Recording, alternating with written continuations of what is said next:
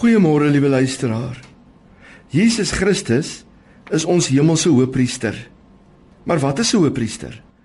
'n Hoëpriester staan namens die mens voor God. Hy versoen God en mens met mekaar. Hy bring offers vir die volk se sonde.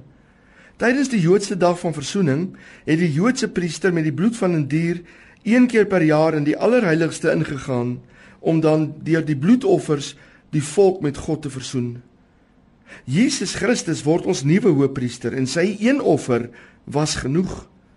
Wanneer die Ou Testamentiese hoëpriester diens gedoen het op die dag van verzoening en hy bring die bloedoffers voor God en sprenkel dit oor alles, het God nie gekyk na hoe groot die sonde van Israel was nie of wat hulle alles verkeerd gedoen het nie. Hy kyk na wat die hoëpriester doen en wat in sy hand is. Hy kyk na die bloedoffer en dit het sy optrede bepaal teenoor Israel. Jesus is die beter hoëpriester. Jesus se bloedoffer was so kragtig dat God daarna kyk en die boek Hebreërs sê heeltemal van ons sonde vergeet. Hy kyk nie na ons sonde nie. Hy kyk na sy perfekte hoëpriester wat so goed is in wat hy doen dat hy swak mense neem en hulle as perfek aanbied aan God. Hebreërs 2 vers 1 sê want hy wat heilig maak sowel as wat hulle wat geheilig word is almal uit een.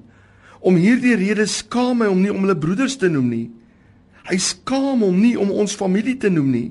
Hy weet wat hy met ons gedoen het. Hy is ook nie skaam om ons aan die Vader voor te stel nie. Hy sit ons in hom sodat ons met hom kan identifiseer, sodat ons een word met sy volmaaktheid. Liewe luisteraar, Jesus is nie skaam vir jou nie, nie eens een keer nie. Jou familie het hulle al dalk vir jou geskaam, want hulle staan nie so perfekte hoëpriester nie jou perfekte hoëpriester het medelee met jou foute.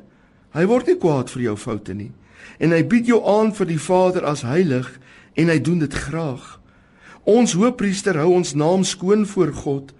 Daar is niks negatief wat deurglip nie. Hy is die perfekte hoëpriester.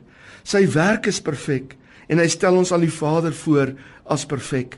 Nie omdat ons perfek is in wat ons doen nie, maar omdat hy alles perfek maak waaraan hy raak.